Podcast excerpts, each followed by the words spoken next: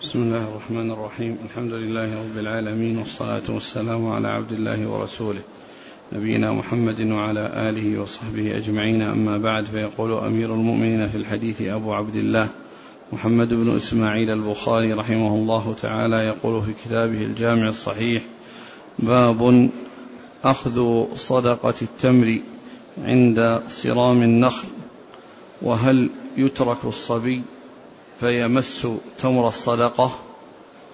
قال حدثنا عمر بن محمد بن الحسن الأسدي. قال حدثنا أبي قال حدثنا إبراهيم بن طهمان عن محمد بن زياد عن أبي هريرة رضي الله عنه أنه قال كان رسول الله صلى الله عليه وآله وسلم يؤتى بالتمر عند صرام النخل. فيجيء هذا بتمره وهذا من تمره حتى يصير عنده كوما من تمر. فجعل الحسن والحسين رضي الله عنهما يلعبان بذلك يلعبان بذلك التمر. فأخذ أحدهما تمره فجعله في فيه فنظر إليه رسول الله صلى الله عليه وسلم فأخرجها من فيه فقال أما علمت أن آل محمد صلى الله عليه وآله وسلم لا يأكلون الصدقة. بسم الله الرحمن الرحيم. الحمد لله رب العالمين وصلى الله وسلم وبارك على عبده ورسوله نبينا محمد وعلى آله وأصحابه أجمعين. أما بعد يقول الإمام البخاري رحمه الله باب أخذ صدقة التمر عند صرام عند صرام النخل نعم. باب أخذ صدقة التمر عند صرام النخل. وهل وهل يمس الصبي؟ وهل يمس الصبي؟ وهل, وهل, وهل يترك الصبي فيمس تمر الصدقة؟ وهل يترك الصبي فيمس, فيمس تمر الصدقة؟ المقصود من هذه الترجمة أن أن أن أن الزكاة وأن الصدقة أنها تكون عند صرام النخل والصرام هو الجذاذ يعني كونه صار رطب صار تمرا وجاء وقت جذاذه وصرامه فإن هذا هو الوقت الذي تخرج منه الزكاة والصدقة. وهو يعني مثل الزرع الحصاد. يعني عندما يستوي ويحصد ويداس ويذرى فإنها تخرج الصدقة. والتمر عند صرامه واستوائه ووصوله إلى كونه تمرا وخروجه عن أن يكون رطبا فعند ذلك تخرج الصدقة من من التمر. وكذلك بالنسبة للصبي الذي هو من آل البيت هل يترك بأن يعني يأخذ شيء من تمر الصدقة فيأكله؟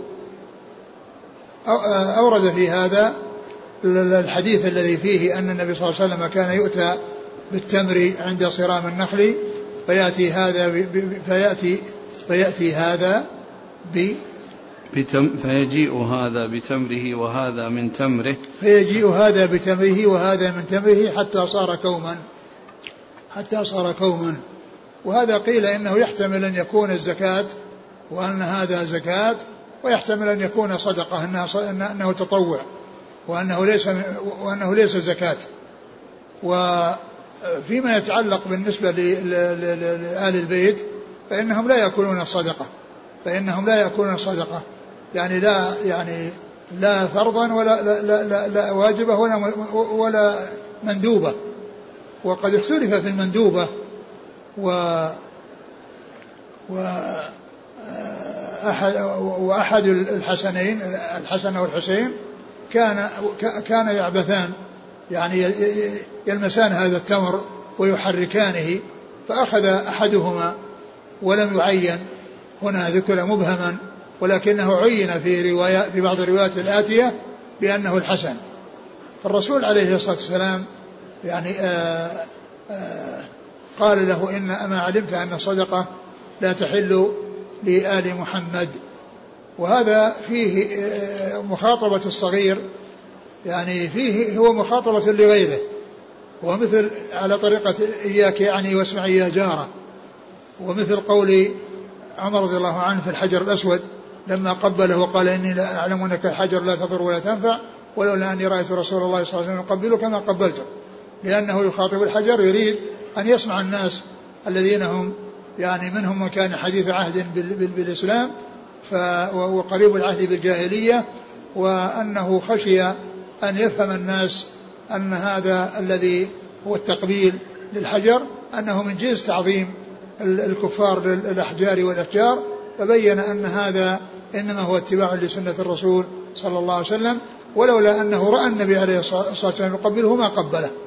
ولولا أنه رأى النبي صلى الله عليه وسلم ما يقبله ما قبله. فإذا هذا الخطاب للصغير الذي هو من أطفال الصغار آه، آه، المراد منه تنبيه يعني آه، بيان الحكم وأن الذين يسمعون من الكبار يعرفون هذا الحكم وأن الصدقة لا تحل لمحمد ولا لآل محمد يعني سواء كانوا كبارا وصغارا سواء كانوا كبارا وصغارا وذلك لأنهم أعطوا أو أنهم يعطون من الخمس من خمس الخمس يعني ما يكفيهم. نعم.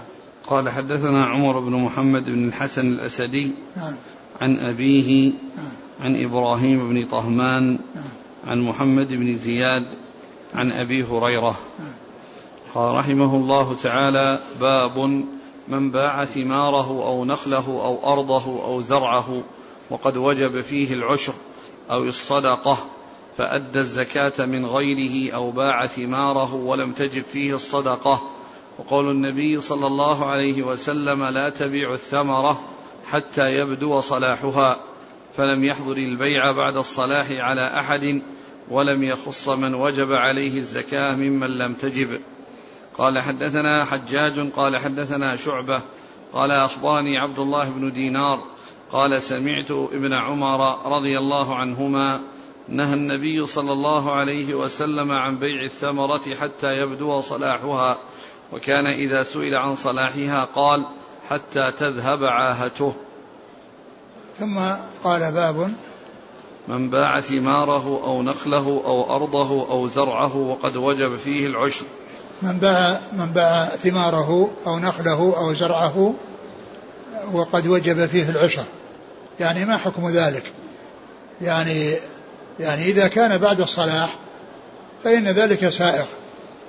والزكاة هي واجبة على المالك الذي هو صاحب الثمر لأنه لما بلغت إلى حد يعني آه، صلاحها وجبت الزكاة.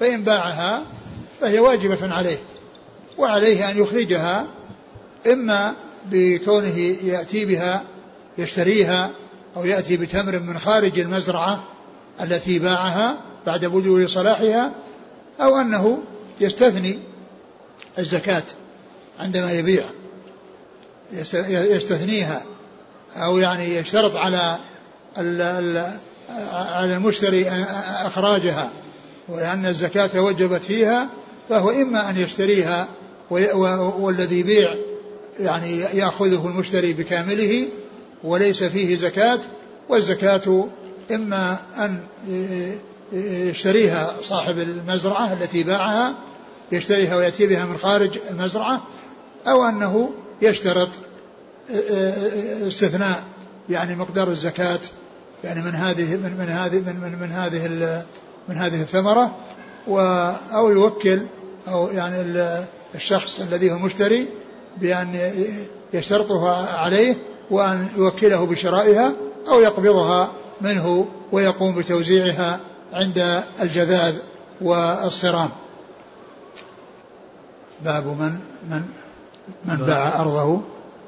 من باع ثماره أو نخله أو أرضه أو زرعه وقد وجب فيه العشر أو الصدقة فأدى الزكاة.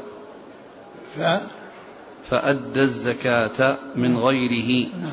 أو يعني باع هذا هو معناه.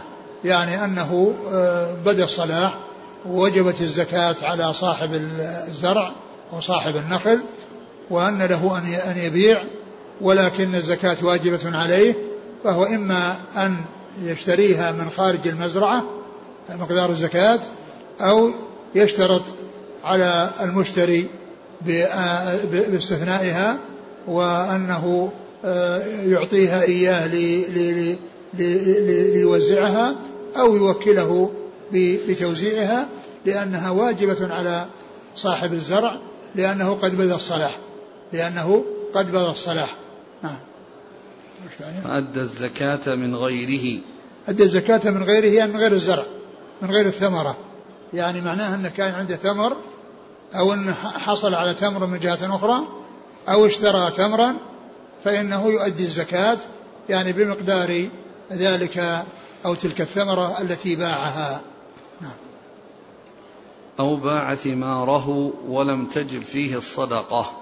أو باع ثماره ولم تجب فيه الصدقة يعني أنه ما خرص أنه لم يحصل الخرص يعني هو هو هو لا يباع إلا بعد بدو الصلاح. إلا إذا كان يعني آه يعني يبيع الثمرة قبل بدو صلاحها لتقطع وتؤكل يعني بسرا فإن ذلك لا بأس به.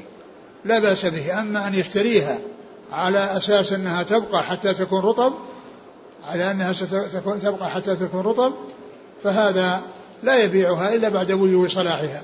وإن خرصت فإن الزكاة تؤخذ على مقدار ذلك الخرص وإن يعني صار ذلك قبل الخرص وإن صار ذلك بعد وجوبها وبعد الخرص فإنها فإنها يلزم إخراجها. أقول يلزم إخراجها ولا تسقط عن عن عن عن صاحبها الذي هو الذي هو البائع. قال ومن؟ إيش ومن؟ أو أو أو باع ثماره ولم تجب فيه الصدقة. نعم. وقول النبي صلى الله عليه وسلم لا تبيع الثمرة حتى يبدو صلاحها. قول النبي صلى الله عليه وسلم لا تبيع الثمرة حتى يبدو صلاحها. جاء في أحاديث عن رسول الله عليه الصلاة والسلام في النهي عن بيع الثمار قبل أن يبدو صلاحها. أما إذا باعها مع أصولها سواء قبل الصلاح أو بعد الصلاح فإنها آه، تذهب يعني أو يملكها. يعني ذاك لكن إذا كانت بدأ الصلاح فإنها واجبة على من آه، بدأ الصلاح في في ملكه ويكون الأمر كما مر في المسألة السابقة إما أن يشتري الثمرة آه، زكاة من من من خارج المزرعة أو أنه يعني يشترط على المشتري باستثناء الزكاة وأن يعطيها إياه ليوزعها أو يوكله على توزيعها لأنها وجبت في عهدة البائع. نعم. فلم يحضر البيع بعد الصلاح على أحد ولم يخص من وجب عليه الزكاة ممن لم تجب. فلم يحضر البيع يعني لم يحرم البيع بعد بدو الصلاح على أحد. يعني معناه أن أنه يجوز له أن يبيع. ويجوز له أن يبيع ولكنها وجبت في ذمته. فلم يحضر البيع بعد الصلاح على أحد.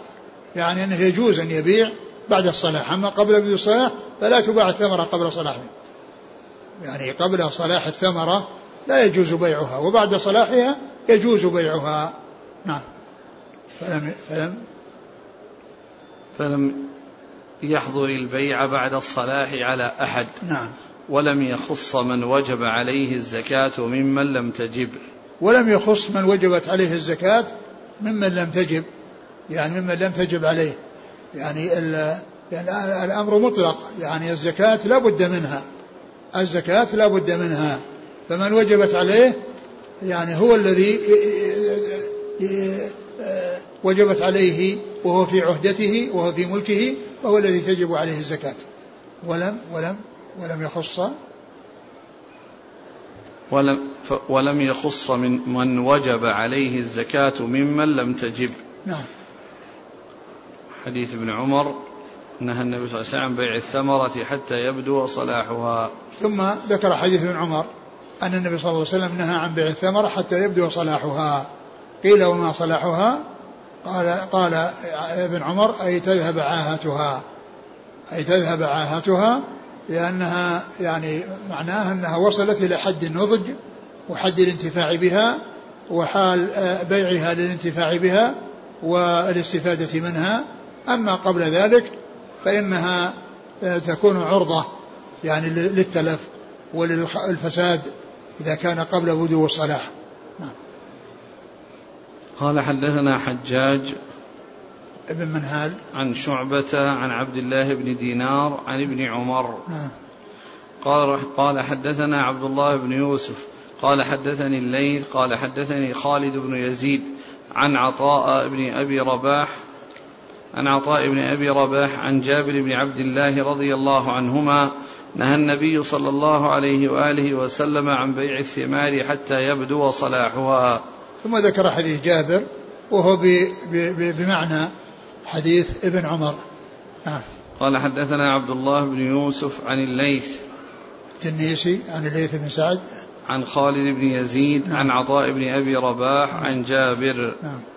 قال حدثنا قتيبة عن مالك عن حميد عن أنس بن مالك رضي الله عنه أن رسول الله صلى الله عليه وسلم نهى عن بيع الثمار حتى تزهي قال حتى تحمار ثم ذكر حديث أنس رضي الله عنه أن النبي صلى الله عليه وسلم نهى عن بيع الثمار حتى تزهي و.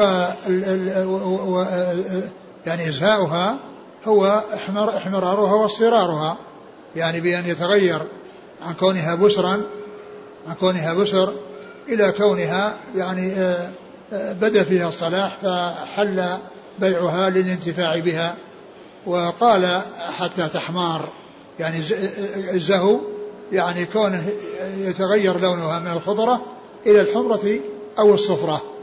نعم. قال حدثنا قتيبة عن مالك عن حميد عن أنس. حميد بن أبي حميد الطويل. قال رحمه الله تعالى باب هل يشتري صدقته ولا بأس أن يشتري صدقته غيره لأن النبي صلى الله عليه وسلم إنما نهى المتصدق خاصة عن الشراء. ولم ينه غيره.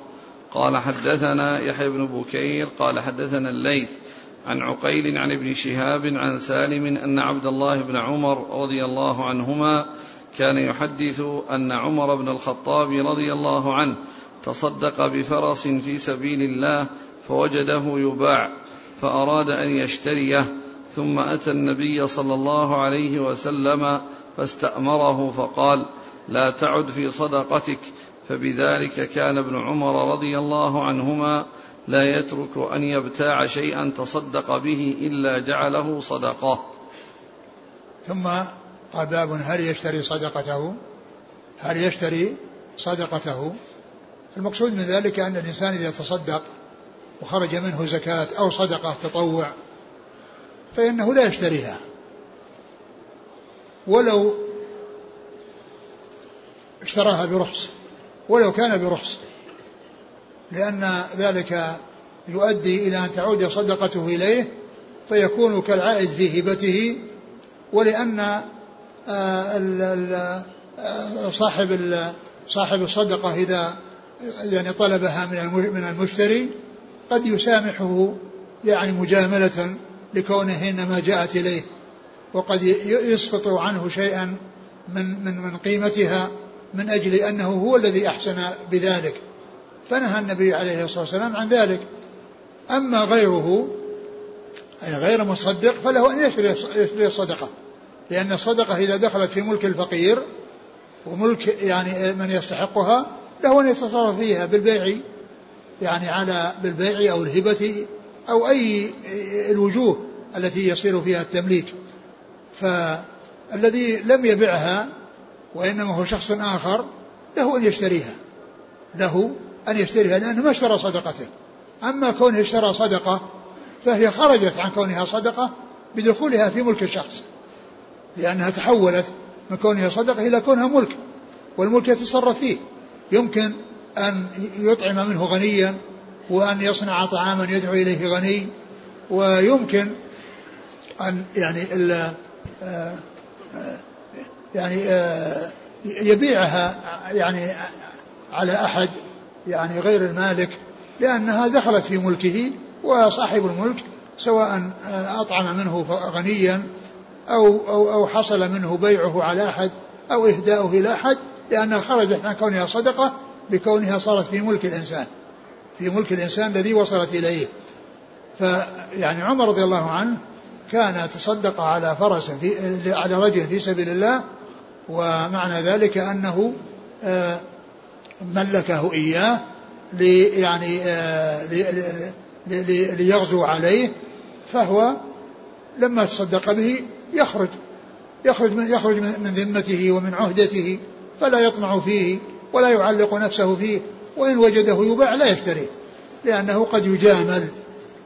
وأما غيره فإنه يشتري الصدقة التي صدق بها على فقير. يشتري هذا المال من الفقير لأنه خرج من كونه صدقة إلى كونه ملك لإنسان. وصل إليه عن طريق الصدقة.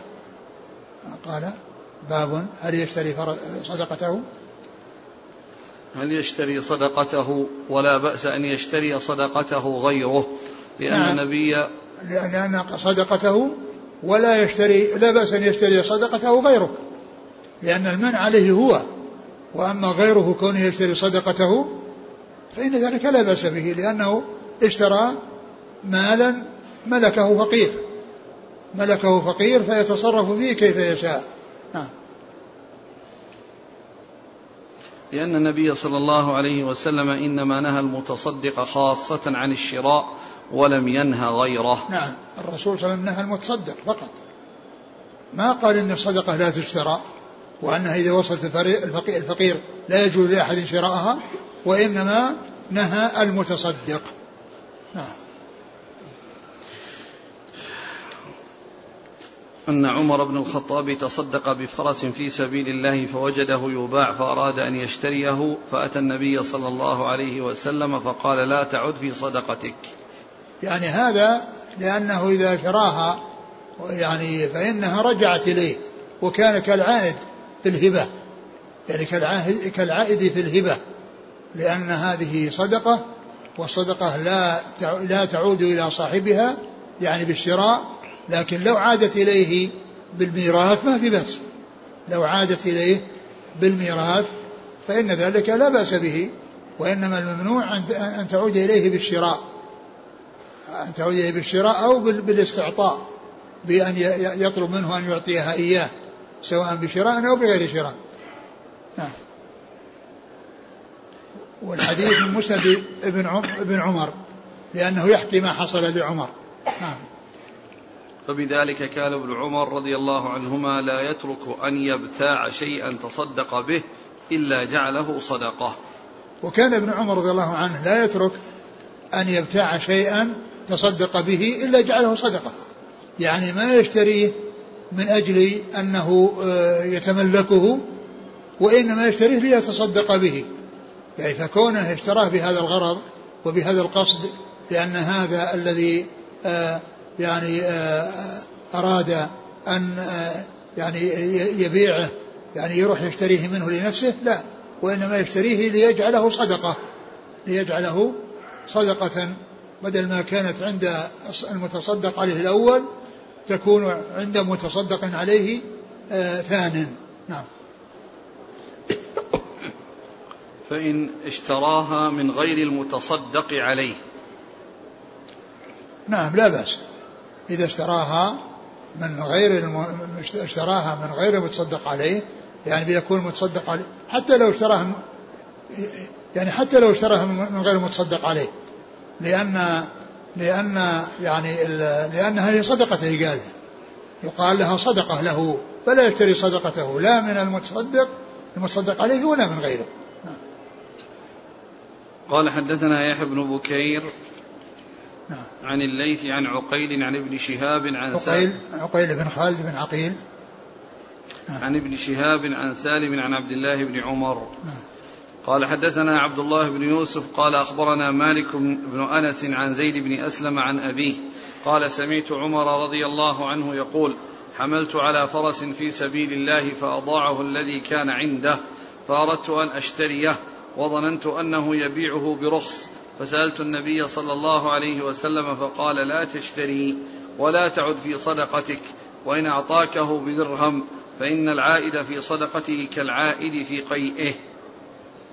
ثم ذكر الحديث من مسند عمر رضي الله عنه وأنه حمل يعني يعني فقيرا على فرس يعني في سبيل الله يعني أعطاه إياه وملكه إياه ليجاهد عليه ولم يحمله عليه على أنه عارية لأنه لو أعاره يرجع في العارية ولكنه يعني أعطاه إياه ملكه ليستعمله ف فأضاعه يعني قولها أضاعه يعني أنها أهمله ولم يعتني به وليس معنى أنه ضاع يعني ضاع في يعني انفلت منه وإنما أضاعه يعني أهمله ولم يعني يعتني به فهزل وأصابه الهزال والضعف. فأراد أن يبيعه فرجع فجاء عمر رضي الله عنه واستأذن النبي عليه الصلاة والسلام فنهاه فنهاه عن ذلك. قال فأضاعه الذي كان عنده. نعم. فأردت أن أشتريه وظننت أنه يبيعه برخص فسألت. فأردت أن أشتريه لما أهمله ولم يعتني به حتى هزل بسبب إهماله وعدم العناية به فظن أنه يبيعه برخص فأراد أن يشتريه ولكنه قبل أن يشتريه سأل النبي عليه الصلاة والسلام عن ذلك فأجابه بعدم الجواز. نعم. قال فسألته النبي صلى الله عليه وسلم فقال لا تشتري ولا تعد في صدقتك وإن أعطاكه بدرهم. يعني لا تعد في صدقتك ولو بطريق الشراء ولو بطريق الشراء لأن هذا آه، قد يكون وصولها إليه بالمجاملة والمداراة له لكونه قد وصل إليه منه. فأراد أن يقطع عليه هذا الطريق الذي به رجوع الصدقة إليه و وقال إن هذا أن, هذا مثل آه، العائد في الهبة. يعني العائد في الصدقة كالعائد في الهبة والعائد في آه، هبته كالعائد في قيئه. يعني هذا تنفير. يعني مثل فيه التنفير وفيه الاشمئزاز. يعني مثل هذا العمل.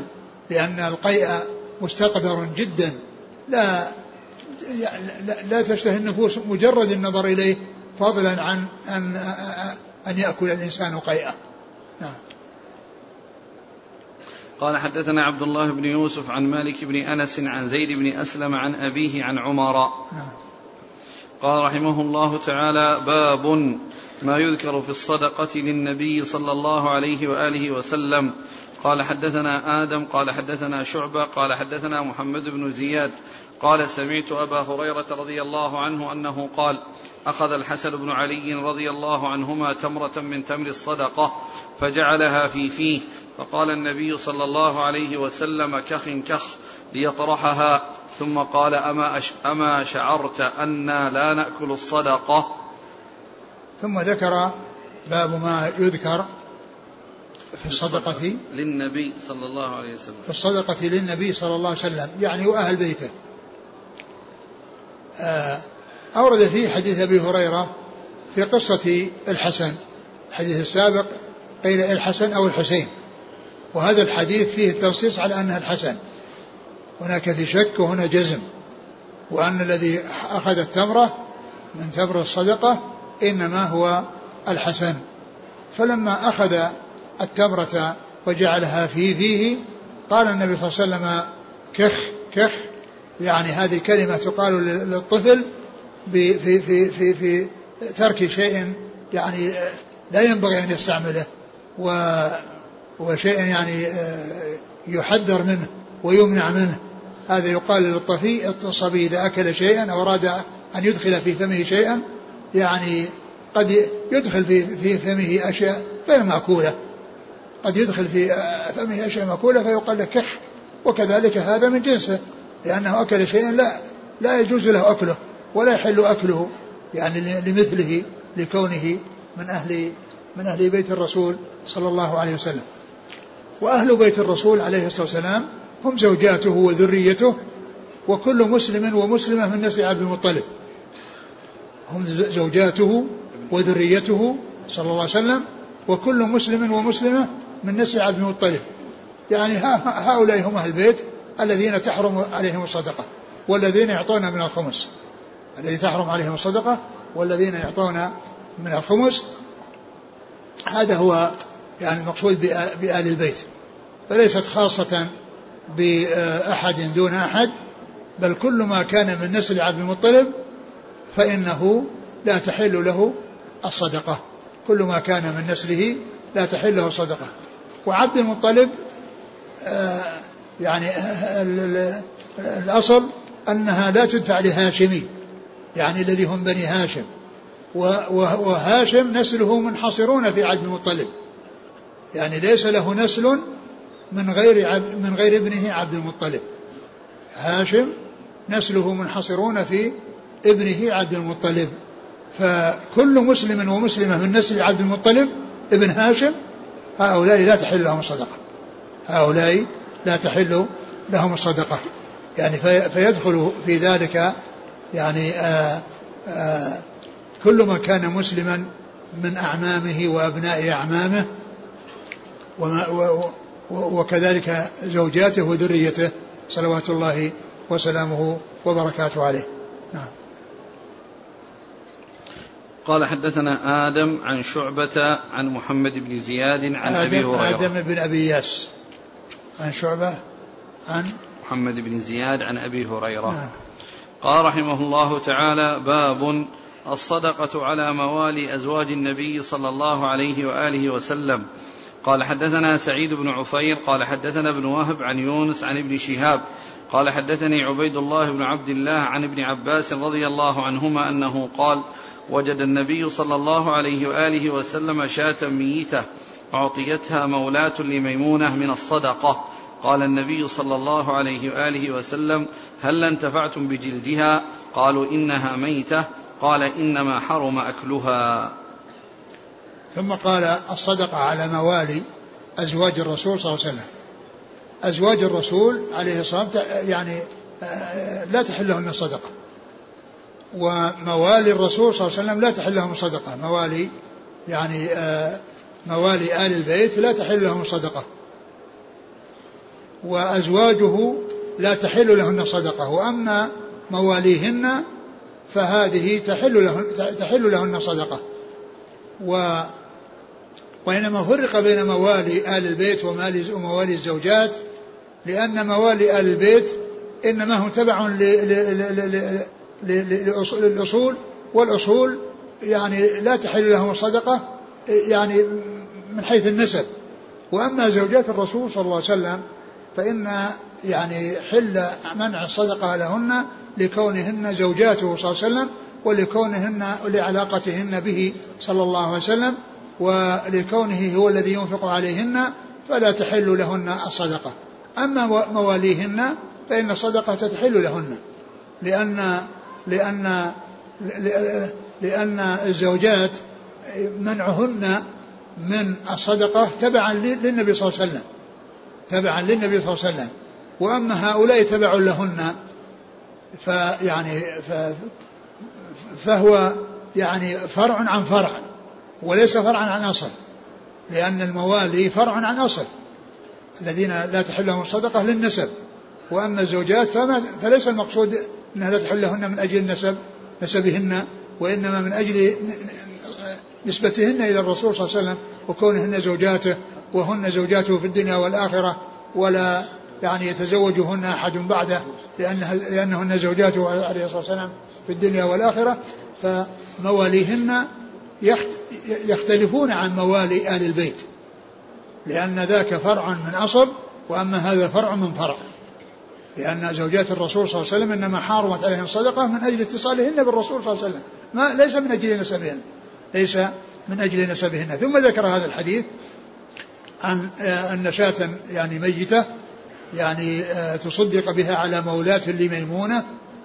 قال فهل لا أخذتم إهابها فانتفعتم به؟ هل لا أخذتم إهابها فانتفعتم به؟ يعني فكون الرسول صلى الله عليه وسلم أرشد إلى الانتفاع بها وأن الصدقة يعني على على على المولاة أنها سائغة وجائزة وليس وليست بممنوعة. فقالوا إنها ميتة. قال إنما حرم من الميتة أكلها. وإذا دبغت فإنها آه، تحل فإنها تطهر وتستعمل ويجوز الانتفاع بها بعد آه، دبغها و وإن كانت ميتة. وهذا معلوم أنه فيما يؤكل لحمه. وأما ما لا يؤكل لحمه فهو يعني لا يجوز استعمال جلوده. نعم. قال حدثنا سعيد بن عفير عن ابن وهب عن يونس عن ابن شهاب. عن عبيد الله بن عبد الله عن ابن عباس. قال حدثنا آدم قال حدثنا شعبة قال حدثنا الحكم عن إبراهيم عن الأسود عن عائشة رضي الله عنها أنها أرادت أن تشتري بريرة للعتق وأراد مواليها أن يشترطوا ولاءها فذكرت عائشة للنبي صلى الله عليه وسلم فقال لها النبي صلى الله عليه وآله وسلم اشتريها. فإنما الولاء لمن أعتق. قالت وأتي النبي صلى الله عليه وسلم بلحم فقلت هذا ما تصدق به على بريرة. فقال هو لها صدقة ولنا هدية. ثم ذكر هذا الحديث عن عائشة في قصة يعني بريرة يعني وأنها آه الحديث أول حديث. أرادت أن تشتري بريرة وأراد نعم مواليها أرادت يعني أهل بريرة يعني كاتبوها على أن تحضر لهم مقدارا من المال وإذا أحضر أحضرت آخر قسط كتبت عليه فإنها تعتق. يعني بذلك والولاء لمن اعتق.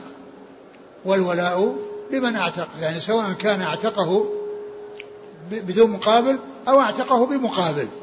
يعني لأن المكاتب اعتق بمقابل وإذا اعتق من أول وهلة ومن غير مقابل وإنما يعني يرجى ثواب الله عز وجل ولم يؤخذ شيء من ثواب الدنيا ولم يؤخذ شيء من, من, من, من, من ثواب الدنيا فإن يعني آه، كونها كوتبت فإنها تعتق وسواء يعني اعتقت ابتداء لرجاء وجه الله أو بعد حصول مال يصل إليهم من هذه المولاة المكاتبة فإنها تعتق ويكون الولاء لهم. فعائشة رضي الله عنها أرادت أن تدفع الذي كتبت عليه ويكون ولاءها لا ولاءها لها. فأبوا وقالوا إنهم يريدون أن يكون الولاء لهم. فأخبرت النبي صلى الله عليه وسلم وقال اشتريها فإن الولاء لمن اعتق. يعني وكونهم يشترطون شرطا لا يحل لهم اشتراطه هذا وجوده مثل مثل عدمه. ولهذا قال في في في الحديث في, في نفس الحديث في لفظ آخر قال آه، عليه الصلاة والسلام آه، لما لما اشترط قال قال كل شرط ليس في كتاب الله فهو باطل وإن كان مئة شرط. كل شرط ليس في كتاب الله فهو باطل. يعني أن هذا الشرط باطل. فإذا اشتريتيها ولو اشترطوا هذا الشرط فإنه شرط لاغي وجوده مثل عدمه لأنه لا يجوز اشتراط مثل هذا الشرط. قال عليه الصلاة والسلام كل شرط ليس في كتاب الله فإنه باطل ولو كان مئة شرط. ثم ذكرت أنه تصدق على بريرة بصدقة وهي مولاة لها يعني بعدما عتقت وصارت مولاة لها تصدق عليها بصدقة فأهدت منها لبيت الرسول صلى الله عليه وسلم فالرسول سألهم هل عندكم من شيء؟ قالوا أنه لحم من شاة تصدق بها على بريرة. من شاة تصدق بها على بريرة. قال هي لها صدقة ولنا هدية. يعني ما دام أن بريرة ملكتها وصلت إليها عن طريق الصدقة فهي يعني ملك لها. لها أن تبيعها ولها أن تهديها. وقد وصلت إلى آل بيت الرسول عليه الصلاة والسلام عن طريق الهدية فلم تكن بذلك صدقة. قال هي لها صدقة. يعني دخلت عليها وهي صدق وهي صدقة ودخلت علينا هدية. فخرجت عن كونها صدقة. قال حدثنا آدم عن شعبة عن الحكم. حكم بن عتيبة. عن إبراهيم النخعي. عن, عن الأسود النخعي. عن عائشة. نعم. قال رحمه الله تعالى باب إذا تحولت الصدقة. قال حدثنا علي بن عبد الله قال حدثنا يزيد بن زريع قال حدثنا خالد عن حفصة بنت سيرين عن أم عطية الأنصارية رضي الله عنها أنها قالت دخل النبي صلى الله عليه وآله وسلم على عائشة رضي الله عنها فقال هل عندكم شيء؟ فقالت لا إلا شيء بعثت به إلينا نسيبة من الشاة التي بعثت بها من الصدقة. فقال إن التي بعثت. التي بعثت بها من الصدقة. يعني بعث بها إليها. يعني الرسول صلى الله عليه وسلم أعطاها إياه. نعم من الصدقة. فقال إنها قد بلغت محلها. ثم ذكر إذا تحولت الصدقة. إذا تحولت الصدقة يعني آه، آه، من المتصدق عليه إلى غيره لم تكن صدقة. وهذا له علاقة بالباب السابق.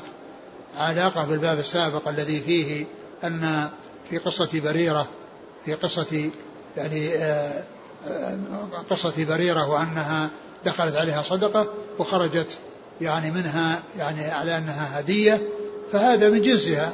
هذه الترجمة التي بعدها هي من جنس هذه الترجمة.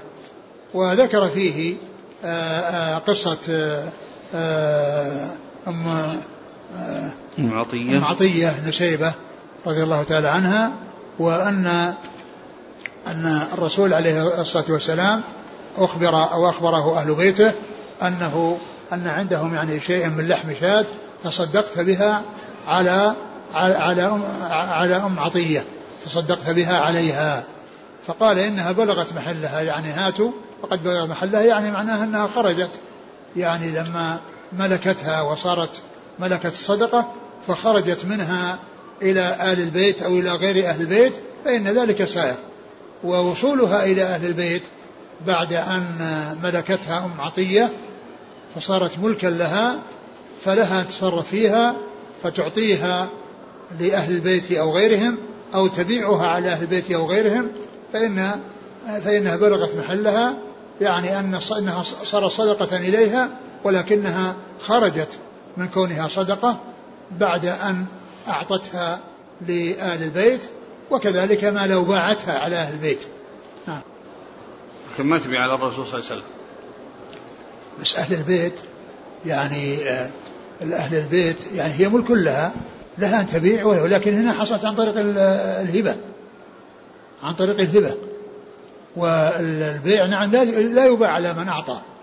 لا يباع على من أعطى لكن لكن الإنسان إذا المتصدق عليه له أن يبيع على غيره وله أن يهدي إلى غيره. وبالنسبة للرسول عليه الصلاة والسلام أو المتصدق لا يباع عليه كما مر في حديث عمر لا تشتريه ولو باعكه ولو باعه باعه بدرهم. ثم إن هذا الذي آه، تصدق به يعني آه، يعني إن كان من الرسول عليه الصلاة والسلام فهو من جنس قصة عمر. وإن كان من الصدقة العامة التي لا علاقة لها التي لا علاقة لها بال يعني بإعطاء الرسول صلى الله عليه وسلم فهي آه، هو كغيره. نعم. إذا المتصدق له الانتفاع بصدقته وليس له أن يشتري صدقته. المتصدق؟ له الانتفاع بصدقته. لا المتصدق إذا كانت الصدقة منه. أما إذا كان وكيلا فيها أو كانت صدقة ليست منه فهذه ليس هو المتصدق هو بمثابة النائب أو الوكيل أو يعني في أمر من الأمور نعم. لا المتصدق نفسه وش به؟ له أن ينتفع بصدقته ينتفع بصدقته؟ أي لكن ليس له أن يشتريها نعم إذا كان هو المتصدق نفسه أما إذا كان ليس هو المتصدق وانه وكيل يعني إنسان تصدق ووكيل يعني يعني وكله بأنه يعطي الصدقة هذا الوكيل لا يقال إنه لا يجوز له شراءها. أنا ما اتكلم عن الشراء أتكلم الانتفاع. الانتفاع غير الشراء. نعم الانتفاع هو هذا الذي حصل في قصة أم عطية أم عطية أنه انتفع انتفع يعني بكونها وصلت إليه عن طريق الهبة نعم. أما الأشياء الواجبة ليس له أن ينتفع بها. وش الأشياء الواجبة؟ يعني مثلا نذر نذر. نعم النذر لا يأكل منه نعم لا يستعمل وإنما يعطى للفقراء. والكفارات. وكذلك الكفارات لا يأكل منها. لا نحن ليش نقيد الأكل؟ لماذا لا نقول الانتفاع حيث يعم. يعني مثلا لأن الأكل هو أعم وجوه الانتفاع. فلهذا يعبر عنه مثل ما قال الله عز وجل الذين يأكلون أموال اليتامى ظلما يأكلون أموال اليتامى ظلما كذلك لو لبسوها أو اشتروا بها يعني آه يعني دواب أو أو ما إلى ذلك النتيجة واحدة لأن ال لأنه ليس المقصود بقول أن يأكل أموال ظلما آه يعني أن الإنسان إذا أخذ أموال اليتامى من أجل يأكلها يعني يصير حرام وإذا أخذها من أجل يشربها يعني دابة أو ما إلى ذلك تصير حلال لا وإنما ذكر الأكل أو نص على الأكل في في بعض المواضع لأن الأكل أهم أهم وجوه وجوه الانتفاع. قال حدثنا علي بن عبد الله عن يزيد بن زريع عن خالد. خالد الحداء عن حفصة بنت سيرين عن أم عطية الأنصارية. قال حدثنا يحيى بن موسى قال حدثنا وكيع قال حدثنا شعبة عن قتادة عن أنس رضي الله عنه أن النبي صلى الله عليه وآله وسلم أتي بلحم تصدق به على بريرة فقال هو عليها صدقة وهو لنا هدية. وقال أبو داود أنبأنا شعبة عن قتادة أنه سمع أنسا عن النبي صلى الله عليه وآله وسلم. ثم ذكر حديث حديث تصدق على بريرة وأنها أهدت لبيت الرسول صلى الله عليه وسلم. والمقصود من ذلك أنها تحولت الصدقة من كونها صدقة إلى كونها ملك يتصرف فيه المتصدق عليه بعد أن ملكه كما يريد. وذلك بأن آه، يعني يصل إلى من لا تحل له الصدقة كأهل البيت سواء عن طريق الهبة أو عن طريق البيع. قال حدثنا يحيى بن موسى عن وكيع عن شعبة عن قتادة عن أنس. نعم. وقال أبو داود والطيالسي أنبأنا شعبة عن قتادة أنه سمع أنس. أتى بهذا الطريق من أجل فيه تصريح سماع بس... تصريح قتادة بالسماع لأن الأول بالعنعنة وهنا بالسماع نعم. قال رحمه الله تعالى باب أخذ الصدقة من الأغنياء وترد في الفقراء حيث كانوا. والله تعالى أعلم وصلى الله وسلم وبارك على عبده ورسوله نبينا محمد وعلى آله وأصحابه أجمعين ونتوقف عن التدريس إلى يوم الأحد الموافق التاسع من الشهر الآتي. جزاكم الله خيرا وبارك الله فيكم ألهمكم الله الصواب وفقكم للحق شافاكم الله وعافاكم ونفعنا الله ما سمعنا غفر الله لنا ولكم وللمسلمين أجمعين آمين. بالنسبة للتحريم على آل البيت هل المراد الصدقة آه، النافلة والزكاة المفروضة أو بينهما فرق لا بينهما فرق يعني الصدقة اللي التطوع فيها خلاف. وأما الصدقة الواجبة فليس فيها خلاف إلا أن بعض أهل العلم قال إنهم يعني إذا لم يعطوا من الخمس ولم يصل إليهم نصيبهم من الخمس فإنها تحل لهم تحل لهم الزكاة. المفروضة والنافلة وأما بالنسبة للنافلة ففيها خلاف. هذا يقول أهلي يزعمون أنهم من آل البيت وليس عندهم من الأوراق ما يثبت ذلك فهل لي أن آخذ من الزكاة؟ إذا كانت مجرد دعاوى لا أساس لها فالأصل هو العدم حتى يثبت. الأصل هو العدم حتى يثبت. فما أكثر من يدعي ما أكثر من يدعي أنه من أهل البيت. يعني من العرب والعجم. هذا يقول؟ ما هي الطريقة الأنسب كي نتحقق أنا من آل البيت؟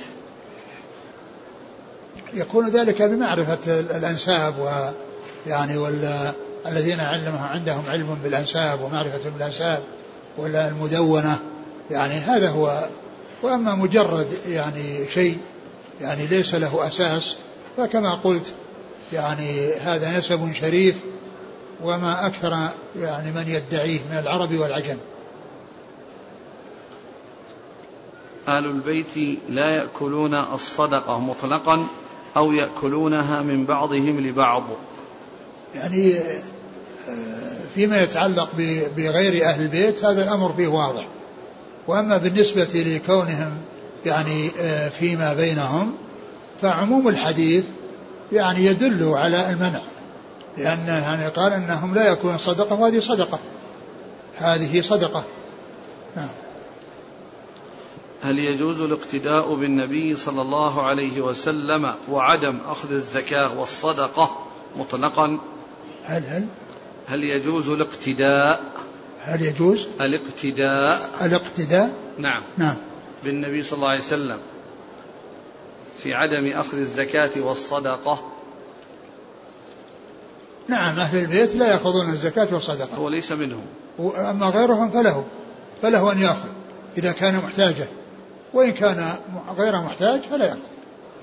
الرسول يعني ما حرمها على غير أهل البيت. حرمها على أهل البيت. يقول ما الفرق بين صدقة وهدية وهبة؟ آه، الصدقة يعني هي الواجبة والمستحبة. يعني كونه يتصدق على إنسان محتاج هذه قالها صدقة.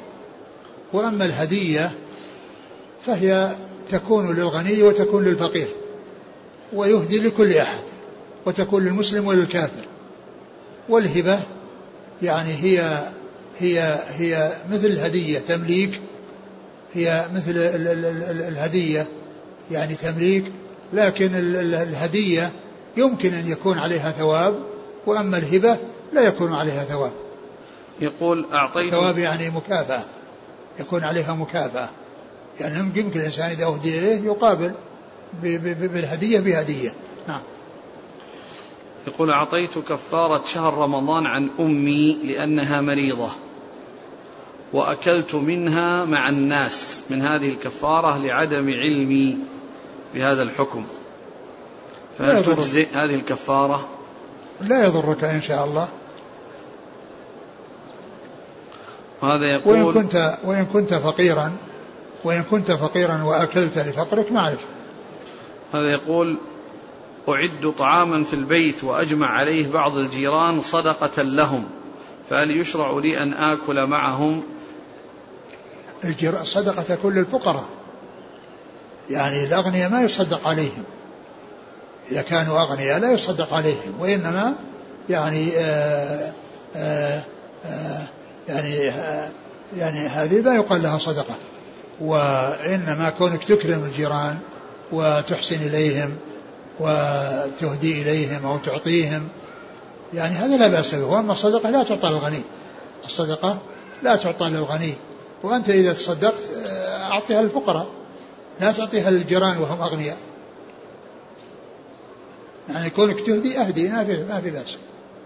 الإهداء للجيران يهدي الإنسان لجيرانه. لكن ما يصدق ولو كانوا أغنياء. نعم. يقول نحن في بلادنا تقوم الحكومة بشق الترع وتحمل وتتحمل النفقة لتسقى المزارع. والذي يتحمله المزارع فقط وقود الآلة. هل هذا يعتبر من الكلفة؟ فيكون حينئذ يدفع نصف العشر. أم تكون والله ما دام أنه بس ما في إلا مجرد الوقود وما حصل منه يعني تعب ولا حفر ولا شيء فيعني في شيء من الكلفة لأن هذا الوقود الذي هو الصرف يعني عليه هو شيء من الكلفة لكن لا يقال إنه يعني يستحق أنه ينتقل من النصف من العشر إلى إلى إلى النصف.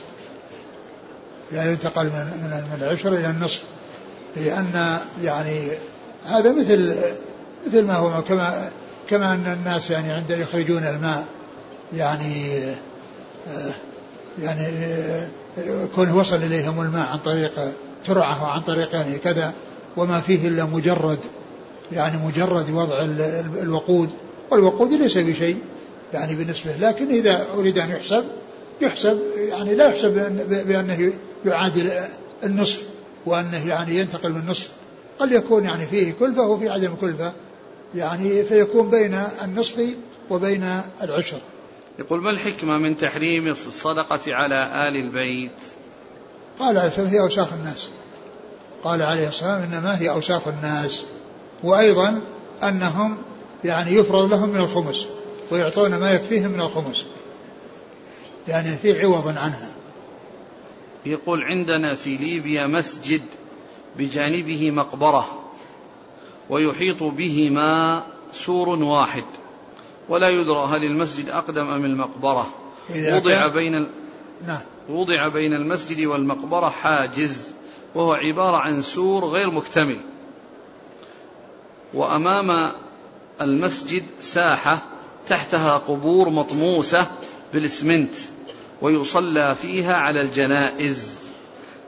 فما حكم الصلاة في هذا المسجد؟ لا يصلى لا يصلى في مكان فيه فيه يعني فيه قبور يعني المقبرة يصلى فيها على الجنازة لكن يعني في في الفضاء وليس على القبور. القبور لا يجوز أن يصلى عليها ولا يجوز أن أن توطأ أو يجلس عليها ما دام أنه معروف أنها قبور فلا يصلى عليها. الناس يقفون عليها يصلون على جنازة. ليس لهم ذلك. وليس لهم أن يطأوا على القبور وليس لهم أن يجلسوا على القبور. وأما كون المقبرة والمسجد يحيط بهما سور واحد محيط بهما فقد يكون هذا المسجد في, في قد تكون هذه مقبرة والمسجد في داخلها. وهذا شيء وهذا أمر لا يجوز. بل يعني يعني وكونه لا يدرى يعني إذا كانت القبور يعني كثيرة والمسجد يعني في بين هذه القبور أو متصل بهذه القبور فمثل هذا يعتبر ما دام فيه يحيط بهما سور واحد يعني معناه ان ان أن المسجد آه، أنه في المقبرة ولا يجوز أن تكون المساجد يعني في المقابر. نعم. هذا يقول ما حكم إبقاء المعابد الكفرية من كنائس وغيرها في البلاد الإسلامية؟ إذا كان يعني, يعني ذلك لن يترتب عليه مضرة أعظم يعني فإن ذلك مطلوب. أما إذا كان سيترتب على ذلك مضرة أعظم فلا يجوز. يقول في بلادنا بعض الأوقات المزكي يذبح البقرة ويوزع لحمها على الفقراء بدعوى أن هذا أعم للفائدة. ليس الإنسان ذلك. وإنما يعطي الزكاة للفقراء يعطي الشاة أو البقرة التي هي زكاة يوصلها وهم يتصرفون بها. أما كونه هو نفسه يذبحها ويوزعها لحم على الناس أو على الفقراء ليس له ذلك. رجل مسلم يعمل تحت كافر دفع الكافر لهذا المسلم مالا ليحج به فما حكم الحج بهذا المال؟ أولا كون المسلم يعمل عند كافر ما كان ينبغي هذا. الإنسان يحرص على أن يبتعد عن الكفار وأن لا يكون يعني آه، وأن لا يكون عمله عند الكفار وإنما يكون عمله عند المسلمين. لكنه إذا حصل يعني آه، على مال أعطي إياه من كافر وحج به فحجه صحيح. حتى لو علم أن هذا المال يعني أنه أصله من حرام وأنه آه، معروف أنه من من من, من مال حرام فإن الحج يصح والإثم يكون على استعمال المال الحرام. والإثم يكون على استعمال الحرام. وأما كونه يعني أخذه من كافر وحج به الحج صحيح. لكن الاستغناء عن الكفار والابتعاد عن الكفار وأن لا يكون للكفار ولاية على المسلمين هذا هو, هو الذي ينبغي. وهذا هو المطلوب.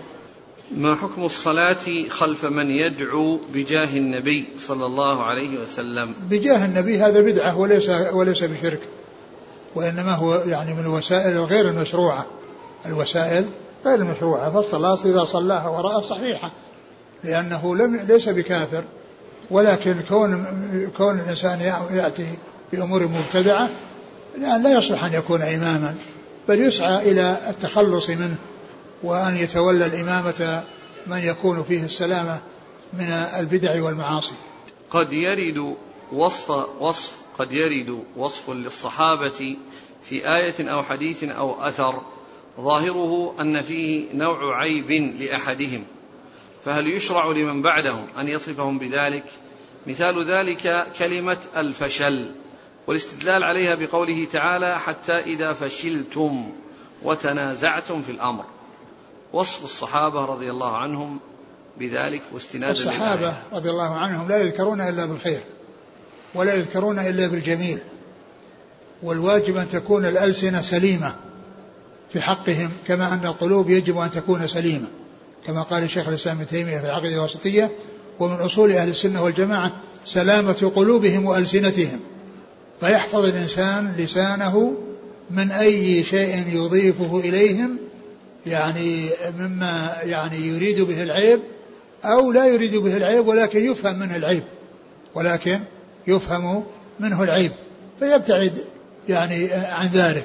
أما إذا ذكر وحصل أنه حصل منهم يعني كما جاء في القرآن حصل كذا وكذا ويفسر وأنهم يعني معناه هذا كذا فهذا لا, لا, لا بأس به.